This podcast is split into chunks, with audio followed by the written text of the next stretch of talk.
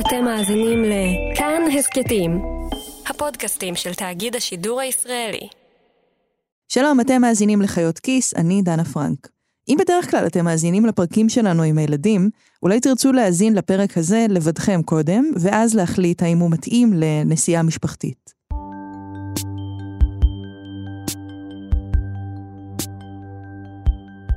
רחל לוי היא אישה קטנטנה בת 55 עם עיניים כחולות ענקיות.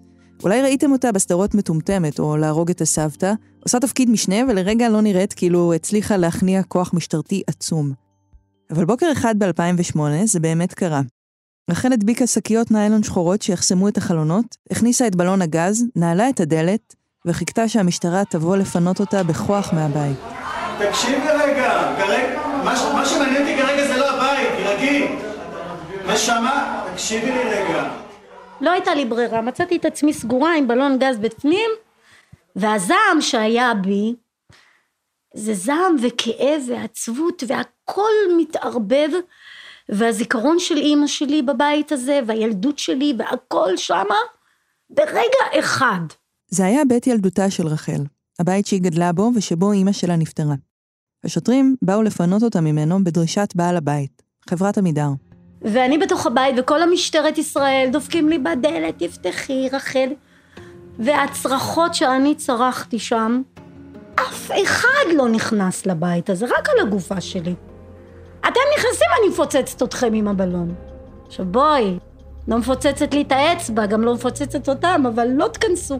רחל נכנסה לדירה הזאת ב-1967. היא הייתה בת שלוש ועלתה לארץ ממרוקו עם ההורים שלה. ועכשיו, שוטרים ניסו להוציא אותה משם. הסיפור של רחל, שמיד נצלול אליו בהרחבה, הוא שלה. זה הסיפור הכי אישי בעולם, אבל הוא גם סיפורו של דור.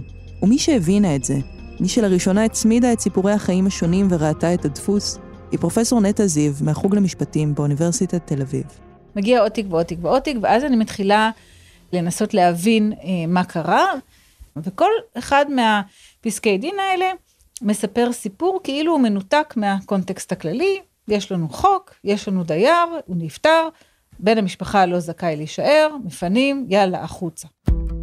אז השבוע בחיות כיס נדבר על הדפוס הזה, על המקרים הכאילו מנותקים אחד מהשני של פינוי מדיור ציבורי, ועל מה אפשר ללמוד מזה, על העלייה ממרוקו ועל הפער הכלכלי הגדול בינה לבין העליות האחרות לישראל.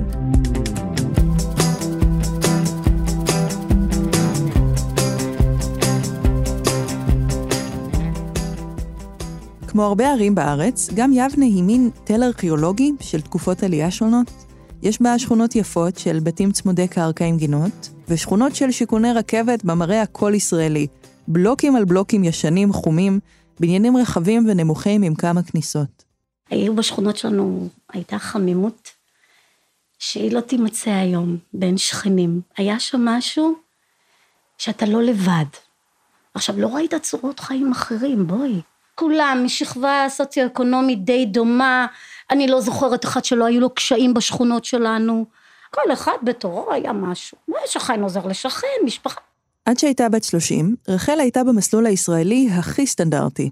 היא סיימה תיכון ביבנה, הוציאה בגרויות, שירתה בצבא, התחתנה וילדה שני ילדים. היא חיה עם המשפחה שלה בדירה שכורה. ואז, בגיל 30, היא ובעלה התגרשו. רחל עבדה כל החיים בשכר מינימום, במכירות, בתור סייעת במערכת החינוך. היו לה תקופות של שתיים ושלוש עבודות במקביל, וכל עוד היא חיה בזוגיות, היא איכשהו הסתדרה כלכלית. אחרי הגירושין, היא לא הצליחה להתמודד. גם הבעל, הגרוש, לא, לא מהבעלים שחושבים סוכות שהם צריכים לעזור או לתמוך, או... בלי קשר למזונות, בכלל, כבני אדם, רגע, יש פה ילדים, יש פה אישה. ואז אתה מוצא את עצמך במאבק. רחל חזרה לגור עם אימא שלה בדירה שבה היא גדלה. זה היה באמצע שנות התשעים. אימא של רחל עזרה לה לגדל את הילדים, ורחל סעדה את אימא שלה, שהייתה חולת ריאות. בזמן מה, הן הצליחו להחזיק את הראש מעל המים. עד שבשנת 98, אימא של רחל נפטרה, והיא נשארה לבד. ואז היא קיבלה שיחת טלפון מעמידר. בהתחלה שילמתי כמו אימא שלי, בוקר אחד החליטו שאני אשלם את הכי גבוה, זה היה אלף ומשהו שקל. אין לי. אט אט צברו לי חוב, בלי קשר לחוב, פנו אליי ואמרו, את לא זכאית לקבל את הדירה, את לא עומדת בקריטריונים. רחל טענה שהיא נחשבת בת ממשיכה. כלומר, זכאית לרשת את זכויות השכירות של אימא שלה, בגלל שחיה איתה בשנים האחרונות לחייה, כנהוג בחוזים של הדיור הציבורי. עמידר טענה שהיא לא חיה בדירה מספיק שנים. רחל חיה בדירה שלוש שנים וחצי, הקריטריון היה ארבע שנים ומעלה. אז רחל ביקשה סיוע משפטי מהמדינה והגישה ערעור. המדינה דחתה את הערעור. צו פינוי חדש הוגש, ועורכי הדין של רחל ערערו עליו שוב. בשלב מסוים, רחל אומרת, הודעות הפינוי והערעורים הפכו להיות השגרה שלה. יש שני סוגים של צווי פינוי, כאלו שמגדירים שעה ויום מדויקים, וכאלו שקובעים טווח זמנים. כמו כשטכנאי אומר לכם שיגיע בין 10 בבוקר ל-5 אחר הצהריים, אבל במשך חודשים, וכשאתם יודעים שאחרי הביקור הזה לא יהיה לכם איפה לישון. בכל יום אנחנו יכולים לבוא. זה גמיש. כלומר, את תהיי מופתעת. השנים עברו, רחל הגישה ערעור ועוד ערעור. ב-2008 היה יום פינוי שבו התבצרה בבית עם בלון הגז, יום של פינוי שנדחה ברגע האחרון בזכות התערבות של חבר מועצת העיר ביבנה. אבל הנחת הרווחה הייתה זמנית. אחרי הדחייה של הפינוי ב-2008, בית המשפט הודיע לרחל שהיא צריכה להתפנות מהדירה תוך 30 חודשים. אני פתאום מקבלת עוד צו פינוי חדש. והפעם הוא גמיש. יקירה, תוך שלושה חודשים יבואו לפנות אותך. את לא יודעת מתי. אז קודם כל, אם את עובדת, כדאי שתפסיקי לעבוד, זה מה שאת אומרת לעצמך. כי מי ישמור על הבית? שלושה חודשים רחל הסתגרה בבית. למכולת היא יצאה רק כשהייתה חייבת, וגם זה בריצה בהלוך ובחזור, שמא בזמן שלא תהיה תגיע המשטרה, ועד שהיא תחזור עם הקניות כבר לא יהיה לה מטבח לבשל בו. הימים עברו לאט. היא כתבה לחברי כנסת, צרכה בוועדות בכנסת, ניסתה להפעיל את ראש עיריית יבנה, את עורכי הדין מהסיוע המשפטי, אבל שום דבר לא עזר. לקראת היום האחרון בטווח הזמן שעמידר הקציבה לרחל, המשטרה הגיעה.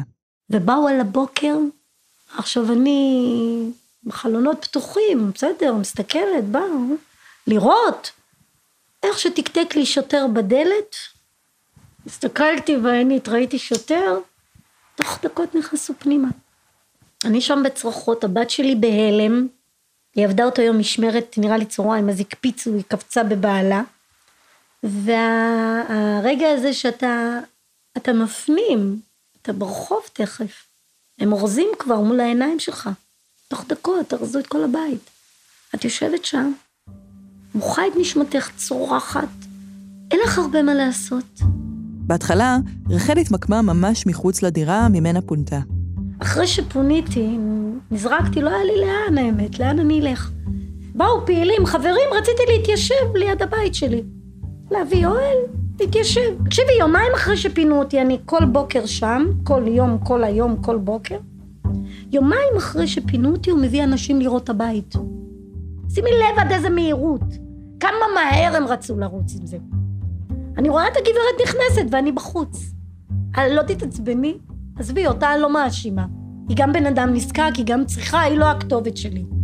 אבל אתם, יא חלאות אדם, אתם יומיים זרקתם בן אדם? הוא התקשר למשטרה כי צעקתי בחוץ. רחל התגוררה תקופה במאהל בארלוזרוב עד שגם הוא פונה. היום אין לה כתובת קבועה. נפגשנו בדירה של הבת שלה. הסיפור שלי מתקשר למאבק הציבורי כולו. כי הוא בעצם חוזר על עצמו. מה שקורה אצלי קורה כמעט אצל כולנו. כמעט אצל כולנו. בתחילת שנות האלפיים, פרופסור נטע זיו הנחתה את הקליניקה המשפטית לדיור ביפו. זו תוכנית שבה מרצים וסטודנטים מהחוג למשפטים עוזרים לאוכלוסייה המקומית, והיא פגשה המון, אבל המון אנשים כמו רחל. הסיפור חזר על עצמו כמעט במדויק שוב ושוב ושוב, וזה הסיפור שנטע שמעה כל הזמן. ההורים נפטרו, והילדים נותרו ללא אפשרות להמשיך לגור או, או להמשיך להחזיק בנכס, וחלק מהם פלשו אה, לדירות של, ה, של עצמם בעצם, של ההורים שלהם. כשנטע אומרת פלשו לדירות של עצמם, היא מתכוונת שאנשים המשיכו לגור באותן הדירות, אבל עמידר הגדירה אותם פולשים. חוץ מהמוות של ההורים, היה עוד משהו שתפס את נטע. לא רק הנתונים היבשים היו דומים, היה גם פרט ביוגרפי שחזר על עצמו. וכשהתחלנו ככה לשמוע את הסיפורים של אותן משפחות, שהדור השני והשלישי נותרו ללא מקום אה, מגורים, כולם היו מרוקאים. וזה צלצל מוזר, שכונות שלמות. באמת? כן. כל, כל יפו ג' הדיירים שנותרו בדיור הציבורי היו צאצאים של העולים ממרוקו, או ילדים או נכדים. אז נטע התחילה לחקור את הסיפור הזה.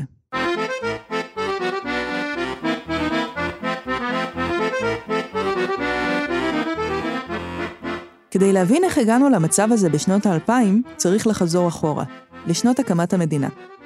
בשנים הראשונות לקיומה, דיור היה כמו בריאות או חינוך, משהו שמובן מאליו שישראל מעניקה לתושבים שלה, לכולם. כמו שכל אחד יכול להגיע לבית חולים, אפילו אם הוא יכול להרשות לעצמו טיפול רפואי פרטי הכי יקר בעולם, כך גם הדיור היה, זכות אוניברסלית. וקצת כמו שהמדינה משתמשת בחינוך כדי להכתיב אידיאולוגיה, באמצעות הדיור, המדינה בחרה היכן יהיו הגבולות שלה, אבל גם מי יקבל הזדמנויות ומי יקבל פחות. במשחק הזה היו מנצחים ומפסידים. בשלב הראשון, מיד עם קום המדינה, העולים הושמו בדיור נטוש, כלומר בתים שתושביהם הערבים נטשו או גורשו מהם במלחמת השחרור. בין 140 ל-160 אלף עולים, שוכנו באופן הזה בכ-94 אלף חדרים, בעיקר בחיפה, בירושלים וביפו. אבל די מהר זה לא הספיק, כי מיד עם הקמתה, המדינה הצעירה קלטה מאות אלפי בני אדם. מפולין, מעיראק, מרומניה, מצ'כוסלובקיה, מתימן. תוך שנה וחצי, האוכלוסייה היהודית בישראל הכפילה את עצמה, מ-650 אלף בני אדם למיליון ו-300 אלף. זאת עלייה כל כך ענקית, עד שהשם הרשמי שלה הוא העלייה ההמונית. כדי ליישב את הכמות המטורפת הזאת, המדינה התחילה כמעט בן לילה לבנות דיור. לפי מחקר של פרופסור אסא מירון, בעשור הראשון למדינה 57% וחצי מהבנייה בישראל הייתה ציבורית. מופרע לדמיין את זה, כי אנחנו רואים עד כמה המדינה מקרטעת היום כדי להוציא לפועל פרויקטים זעירים בהרבה. זוכרים את הרכבת לירושלים, שנחנכה באיחור של עשור? אבל לדיור הציבורי היו את כל התנאים לטובתו. הקרקעות היו בבעלות המדינה, חוק הבנייה המנדטורי אפשר לה לבנות בלי לחכות לאישור מוועדות התכנון, אפילו חברות הבנייה היו של המדינה. בהתחלה, הדיור הציבורי נבנה בערי המרכז, רחובות, רמת גן, הרצליה. האידיאולוגיה המנחה הייתה כור ההיתוך, וכדי להתיך את כולם לזהות אחת, כולם צריכים להיות באותו הכור, או באותה העיר, גם העולים. אז, כמו היום, אלו היו אזורים שיחסית קל למצוא בהם עבודה, וחלק מהעולים קיבלו ממש דיור המותאם למקצוע שלהם. למשל, אקדמאים שהגיעו לארץ מקנדה ומארצות הברית, קיבלו הלוואות משתלמות לרכישת דירות, בתנאי שימשיכו לעבוד כאקדמאים.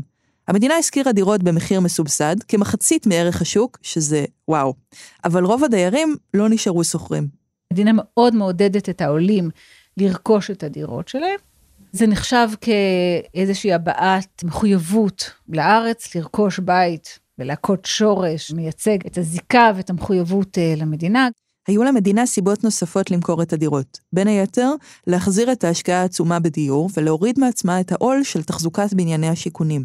אז המדינה הציעה הלוואות בתנאים נוחים מאוד, חלקן דרך בנק טפחות, שהיה 100% בבעלות עמידר, חברת הדיור הממשלתית. ולמעשה אנחנו רואים שהגל הראשון הזה של העלייה, 48-52, הצליח די מהר להמיר את זכות השכירות החלשה הזו של הדיור הציבורי בבעלות וברגע שאני בעלים של דירה, בעצם יש לי הון, אני יכולה עם ההון הזה לעשות שימוש גם למשכן, גם לקחת נגדו הלוואות, אני יכולה למכור ולקנות נכס חדש, ואני יכולה להוריש אותו. המשפחה יכלה להשתמש בנכסים כדי לצבור עוד רכוש. למשל, אם יש לי בית בבעלותי, אני יכולה למשכן אותו, ובעזרת כספי המשכנתה לקנות עוד דירה, או לפתוח עסק קטן. אני יכולה אפילו להשכיר חדר בדירה, ולהכניס עוד קצת כסף, זה היה מאוד מקובל בעשורים הראשונים. ואם הבית שלי בבעלותי, זה מאפשר לי לעשות עוד דבר אחד חשוב מאוד, העברת הון בין-דורית. המוני העולים השתמשו במבנה ההזדמנויות המושלם שהשוק הציע להם. הם שכרו דירות במחיר מוזל, קנו אותן במחיר משתלם. בהדרגה הם הפכו מאנשים חסרי אמצעים, חלקם הגדול שורדי שואה או פליטים ממדינות ערב, לבעלי הבית. משנת 52 התחיל גל עלייה חדש שרובו עולים ממרוקו. יהודים מרוקאים ניסו לעלות לישראל מאז המאה ה-19, ובמאה ה-20 כבר היו כמה עשרות משפחות ביפו ובירושלים, אבל השלטונות במרוקו לא רצו לוותר על נוכחות הקהילה היהודית, בין היתר בשל המיסים הגבוהים ששילמו היהודים. היו עוד כמה סיבות שהכתיבו את העלייה המאוחרת של הקהילה היהודית המרוקאית. האמת שסיפור העלייה הזה ראוי להסכת משלו. אבל בכל מקרה, בגלל שהגיעו באיחור, ממש כמו בסבתא בשלה דייסה, לא נשאר לעולים ממרוקו את ההזדמנויות שקיבלו עולים שהגיעו רק כמה שנים לפניהם. ובאמת, מה שאני מגלה במחקר, זה שבתקופות שלאחר מכן, אנחנו מדברים על כבר סוף שנות ה-50 ושנות ה-60, חלק גדול מהעולים שהגיעו לא עשו את הפעולה הזו של המרה של השכירות לבעלות. בעלות אפשר להוריש, דיור ציבורי אי אפשר להוריש. אם הייתי נותרת עם המעמד המשפטי הזה של הסוחרת בדיור הציבורי, לא הייתי יכולה להעביר את הנכס הלאה לילדים שלי, וכאשר אני עוברת מן העולם, בעצם הנכס חוזר למדינה, ואני משאירה את הילדים שלי ללא הנכס, ההון המשפחתי העיקרי, שיש היום לכל משפחה בישראל. וזה בדיוק מה שקרה לרחל. היא רצתה להמשיך להתגורר בדירה, לשלם עליה שכירות, אבל היא לא יכלה לרשת אותה, כי אימא שלה הייתה השוכרת ולא הבעלים. והשוכרים היו מקבוצה די הומוגנית.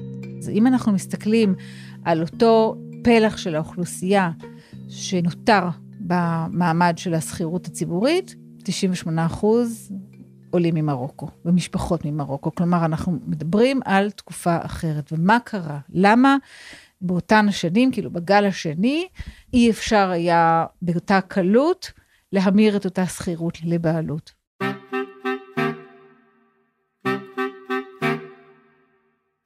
אז מה באמת קרה בשנת 52? כמעט בבת אחת, מחירי הדיור עלו מאוד. ההיצע, שעדיין כמעט לחלוטין היה באחריות המדינה, ירד. שנים של בנייה אינטנסיבית במרכז הארץ והפשרת קרקעות איטית עושים את שלהם. במקביל, הביקוש המשיך לעלות. גלי העלייה מצפון אפריקה הביאו לישראל עוד ועוד מהגרים. ובמקביל, באמצע שנות ה-50, הדיור קיבל משימה לאומית חדשה, לא עוד כור היתוך. מעכשיו, המשימה היא פיזור אוכלוסין. התקדמותנו התרבותית והחברתית, כיבושנו החינוכיים והמדעיים, גבורת צבאנו ועוז רוח חלוצנו ביישוב הגולות והשממה, מפוארים שם ישראל בעולם. במילים אחרות, התפיסה האידיאולוגית של המדינה, שדגלה ביישוב צפוף של העולים כדי להתיך אותם לישות לאומית אחת, השתנתה. והמדינה התחילה להשתמש בדיור הציבורי כדי להקים עיירות פיתוח, קרובות לגבול. מגדל העמק, which means Tower of the Valley, has today a population of 5,000, mostly new immigrants.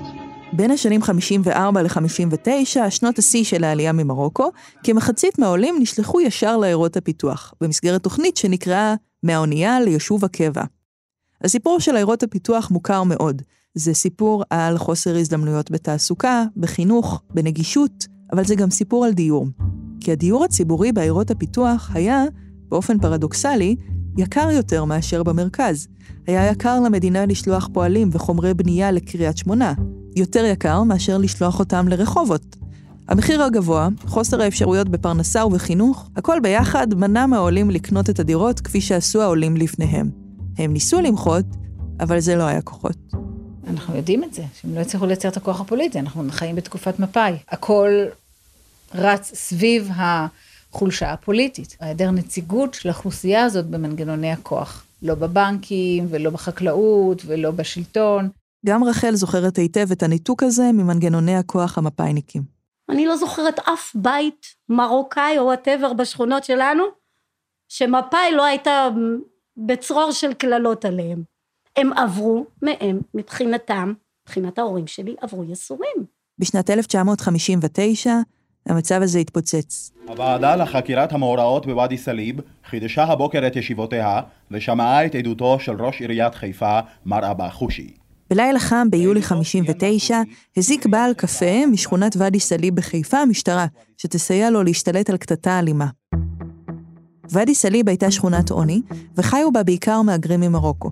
אחד השוטרים ירה ברגלו של עקיבא יעקב אל-כריף, שנלקח לבית החולים. בלילה שלאחר מכן נפוצו שמועות שאל-כריף מת, והשכונה יצאה למחות ברחובות בהפגנות שנהנו באלימות משטרתית. אגודת יוצאי מרוקו הכריזה על שביתה כללית. בתגובה, אמר לוי אשכול, שמילא אז את מקומו של ראש הממשלה, בן גוריון, שהעלייה ממרוקו הייתה מורכבת ברובה מנמושות, וכי צריך לקחת בחשבון שיידוי אבנים, כמו שהיה בהפגנות בוואדי סאליב, הוא מנהג מקומי בארץ המוצא. מה שמעלה את השאלה, האם הייתה כאן כוונת זדון? האם מבנה ההזדמנויות שהתהפכו בין שנות ה-40 לשנות ה-50 ופגעו בעיקר במהגרים ממרוקו, לא התהפכו מעצמם, אלא משום שמישהו בממשלת ישראל חשב שלמרוקאים מגיע פחות.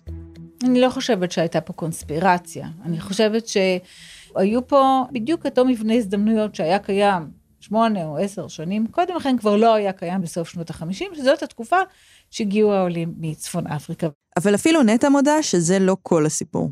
המדיניות של היישוב של העולים ממרוקו הייתה מדיניות מאוד פטרנליסטית, לא מכחישה את זה, אני חושבת שגם זה היה, אבל כשאני מנסה ככה לבודד את הסיפור של הדיור הציבורי, אז למעשה אני מספרת את הסיפור כסיפור סוציולוגי, ולאו דווקא כסיפור פוליטי, או במובן של אפליה מכוונת. מכוונת או לא, התנאים המשתנים קבעו את נסיבות החיים של דורות. מי שלא הצליחו לרכוש דירות, הם בעצם האנשים שאת הילדים שלהם ואת הנכדים שלהם נטע פגשה בקליניקה ביפו ד'. עולים ממרוקו שהגיעו לישראל משנת 52. אלו שפספסו את הרכבת בדקה.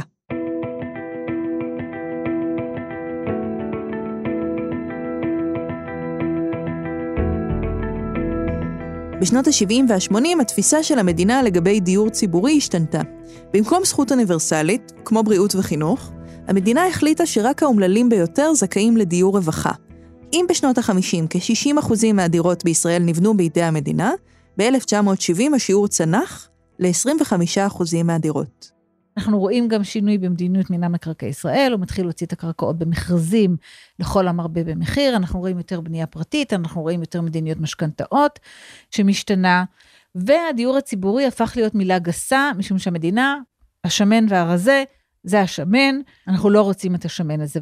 המדינה לא בנתה כמעט דירות, ומאגר הדירות הידלדל מאוד, כי רבות מהן נמכרו עוד בשנות ה-50 וה-60 לדיירים. כדי להתמודד עם ההיצע הדליל, החברות המשכנות הקשיחו מאוד את התנאים לקבלת דירה. אנשים כמו רחל קמו בוקר אחד וגילו שהדירה כבר לא מגיעה להם, לא כי נסיבות החיים שלהם השתנו, אלא כי המדינה שינתה את הדרישות שלה. אפשר להבין את המצוקה של החברות המשכנות, כמו עמידר. מלאי הדיור נחתך, דירות חדשות לא נבנו, ומצד שני, האי שוויון הכלכלי הלך והתרחב. ובישראל נוצר מעמד חדש של זכאים לדיור ציבורי. נוצר איזשהו קונפליקט הרבה פעמים בין הזכאי החדש, זכאי הרווחה, האימא החד-הורית עם השלושה ילדים מצד אחד, והנכדה של פרחה אמזלג מצד שני, שני החלשים האלה נאבקים על אותה דירת דיור ציבורי מסכנה, כן, ואנחנו רואים את המאבקים האלה שוב מגיעים חזרה לבית משפט. אבל ממש אז, כשנראה היה שזה לא יקרה שוב לעולם, המדינה חזרה לבנות בכמויות, כמו בעשורים הראשונים. נבלבו אגס וגם תפוח כדי ליישב את מיליון העולים שהגיעו לישראל מברית המועצות בשנות ה-90, שר השיכון דאז, אריאל שרון, קידם בנייה מאוד מאוד אינטנסיבית. ולבנות צריך על משהו, וכך מינהל מקרקעי ישראל מעביר את החלטה 727, שמאפשרת לשנות את הייעוד של האדמות החקלאיות בקיבוצים. בקיבוצים, לא של הקיבוצים, אלו אדמות מדינה שהוחכרו לקיבוצים בשנות ה-50. ההחלטה של המינהל הגדירה שכדי לקחת את האדמות בחזרה, המדינה תשלם לקיבוצים 30% מערך הקרקע. המגזר החקלאי מקבל חל, נתח נכבד מעליית ערך הקרקע, אז אם מגרש חקלאי שווה X, המגרש הזה כשאנחנו ממירים אותו למגורים הוא שווה 1,000X, בייחוד אם הוא במרכז הארץ, בשפיים, ברשפון. העלייה מברית המועצות לא קיבלה את ההזדמנויות שקיבלו עולי שנות ה-50, נראה שלהגיע למדינה בהקמה זה הזמן הכי טוב להתארגן על נדל"ן, אבל הם כן קיבלו הלוואות מאוד נדיבות, דומות לאלו שהמדינה הציעה בראשית דרכה. כלומר, אפשרויות לרכישה, לא לשכירות. ישראל הצליחה להתארגן על הסיפור הזה, לשכן מאות אלפי משפחות ולהעמיד לרשותן את האפשרות לקנות דירות בבנייה ציבורית, כי זה מה שהעולים מברית המועצות דרשו. ולמדינה היה ערוץ תקשורת ישיר עם הצרכים שלהם. לעולים מרוסיה הייתה להם את הנציגות הפוליטית בכנסת, שרנסקי והמפלגות הרוסיות, שדאגו לסנגר על האינטרסים שלהם. פשוט כוח פוליטי. אלו היו השנים בין צאצאי העולים ממרוקו התחילו להיות מסולקים מהבתים. השילוב של זה, עם הקיבוצניקים שהתעשרו פתאום, ושל הרוסים שקיבלו דירות לרכישה, היה קצת יותר מדי. אתמול החליטו מחוסרי הדיור מגן הוורדים לשנות את צורת מחאתם. גברים, נשים וילדים יצאו לתהלוכה בתגובה פרץ גל מחאה נגד העיוותים בדיור הציבורי.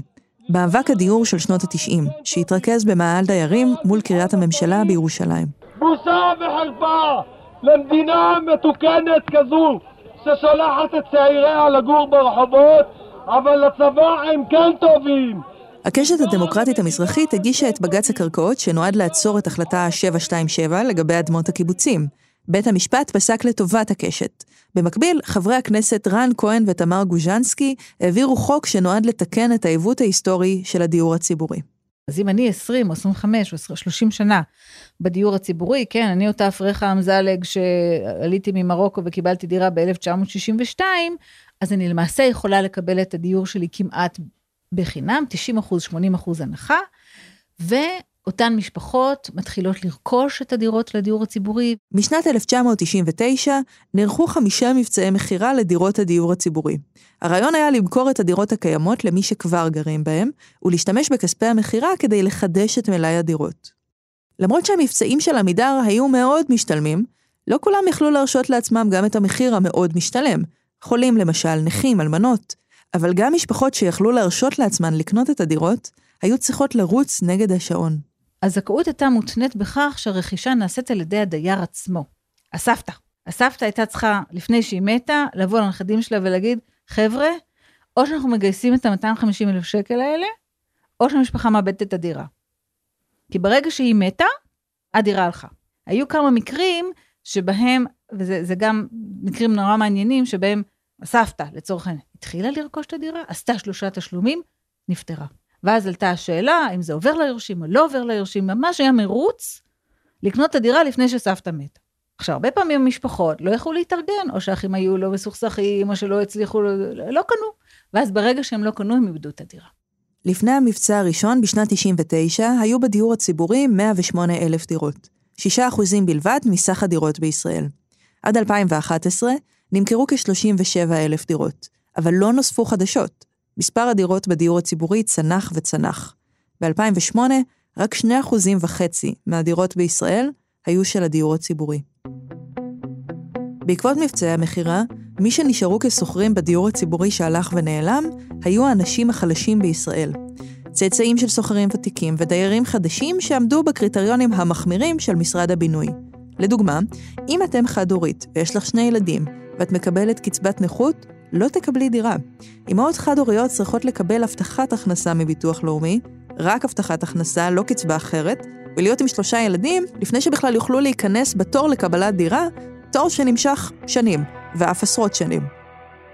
וזה היה השלב שבו נטע, והקליניקה המשפטית ביפו התחילו לקבל מסות של בקשות לייצוג משפטי מסוחרים כמו רחל, ואחרים שהיו אפילו במצב יותר מייאש משלה, אנשים שלא היו זכאים לייצוג משפטי מהמדינה.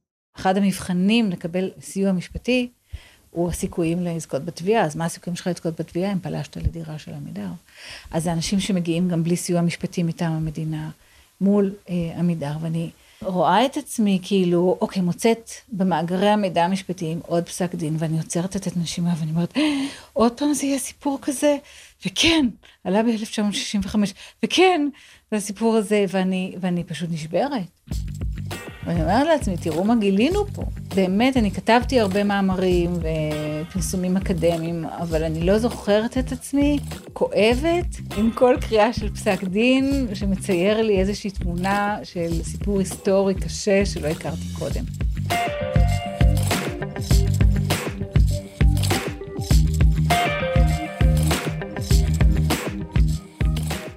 במפקד האוכלוסין בשנת 1983, 30 שנה אחרי העלייה ממרוקו, 75% מהישראלים היו בעלי דירות. זה שיעור עצום ביחס לעולם. רק שאם מפרקים את זה למדינות מוצא, מגלים ש-62% מיוצאי צפון אפריקה היו בעלי בתים, לעומת 84.6 מבין יוצאי אירופה. וכל זה מתחיל ממש בשינויים העדינים האלה, בפערים הקטנים בהזדמנויות בשנות ה-50. הבית הוא הדבר העיקרי שאנחנו מצפים לקבל בירושה, והחלק הגדול ביותר בהון שלנו. הוא הנכס העיקרי עבור רוב המשפחות הישראליות. אבל הפער הבין-עדתי לא הסתכם רק בהון, הוא היה גם בהכנסה. פרופסור מומי דהן מהאוניברסיטה העברית והמכון הישראלי לדמוקרטיה, בדק את הפער בהכנסה בין מי שהוריהם הגיעו מצפון אפריקה ומאסיה, לבין מי שהוריהם הגיעו מאירופה. בסוף שנות ה-70, הפער עמד על כ-35%. באמצע שנות ה-90, הפער היה כ-40 אחוזים. כלומר, הפערים הכלכליים בדור השני היו גדולים עוד יותר מאשר בדור הראשון. צאצאי העולים לא הצליחו לגשר על הפער. אבל יש חדשות טובות. בשנת 2013 מומי חזר שוב על המחקר וגילה תמונה חדשה. הפערים הצטמצמו באופן ניכר, והפער בהכנסות צנח ל-27% בלבד. מאז, הוא טוען, המגמה נמשכת, הפערים הולכים ונסגרים. מומי מדבר לא על הון, על נכסים כמו בתים, אלא על הכנסה. אבל הכנסה יכולה להיות מתורגמת להון, ואם המצב יימשך, אולי בעוד דור או שניים הפערים ייעלמו. המחקר של פרופסור מומי דהן עוסק במזרחים באופן רחב, לא רק בעולים ממרוקו שבהם התמקדנו, אלו שנפגעו מחוסר היכולת להעביר דירות בין הדורות. אבל גם כך, אפשר לראות מגמת שיפור בפערים בין מדינות המוצא. העוול ההיסטורי הולך ומתוקן, ומי שנולדו בסוף שנות ה-80 ואילך כבר כמעט לא ייפגעו ממנו. אבל יש דור שלם שנשאר מאחור. אנשים כמו רחל והשכנים שלה, אלו שהגיעו מאוחר מדי. רחל חזרה לחכות לדיור ציבורי. הממשלה קצת התחילה להתעורר לנושא הזה בשנים האחרונות. בממשלה הקודמת החזיר יואב גלנט את שם המשרד לשיכון ובינוי, אחרי שבמשך שנים היה רק בינוי.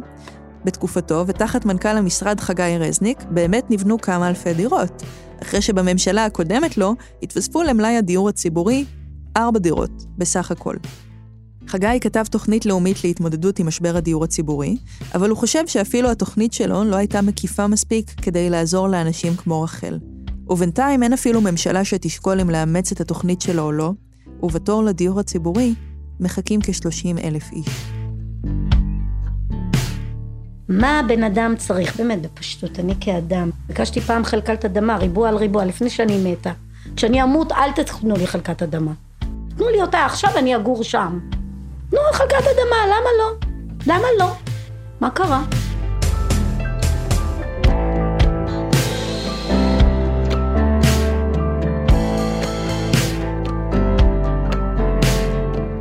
אתם האזנתם לחיות כיס. את הפרק הזה ערך רום אטיק, ועורך הסאונד שלנו הוא אסף רפפורט. במערכת גם צליל אברהם ושאול אמסטרדמסקי. אם גם אתם ילדי עמידר, או שהסיפור הזה גרם לכם להסתכל על ההון המשפחתי שלכם בהערכה מחודשת, בואו לקבוצת חיות כיס בפייסבוק. כל הפרקים של חיות כיס ניתנים להאזנה בכל אפליקציות ההאזנה, ובאתר כאן, וגם בספוטיפיי. אני דנה פרנק, תודה רבה שהאזנתם.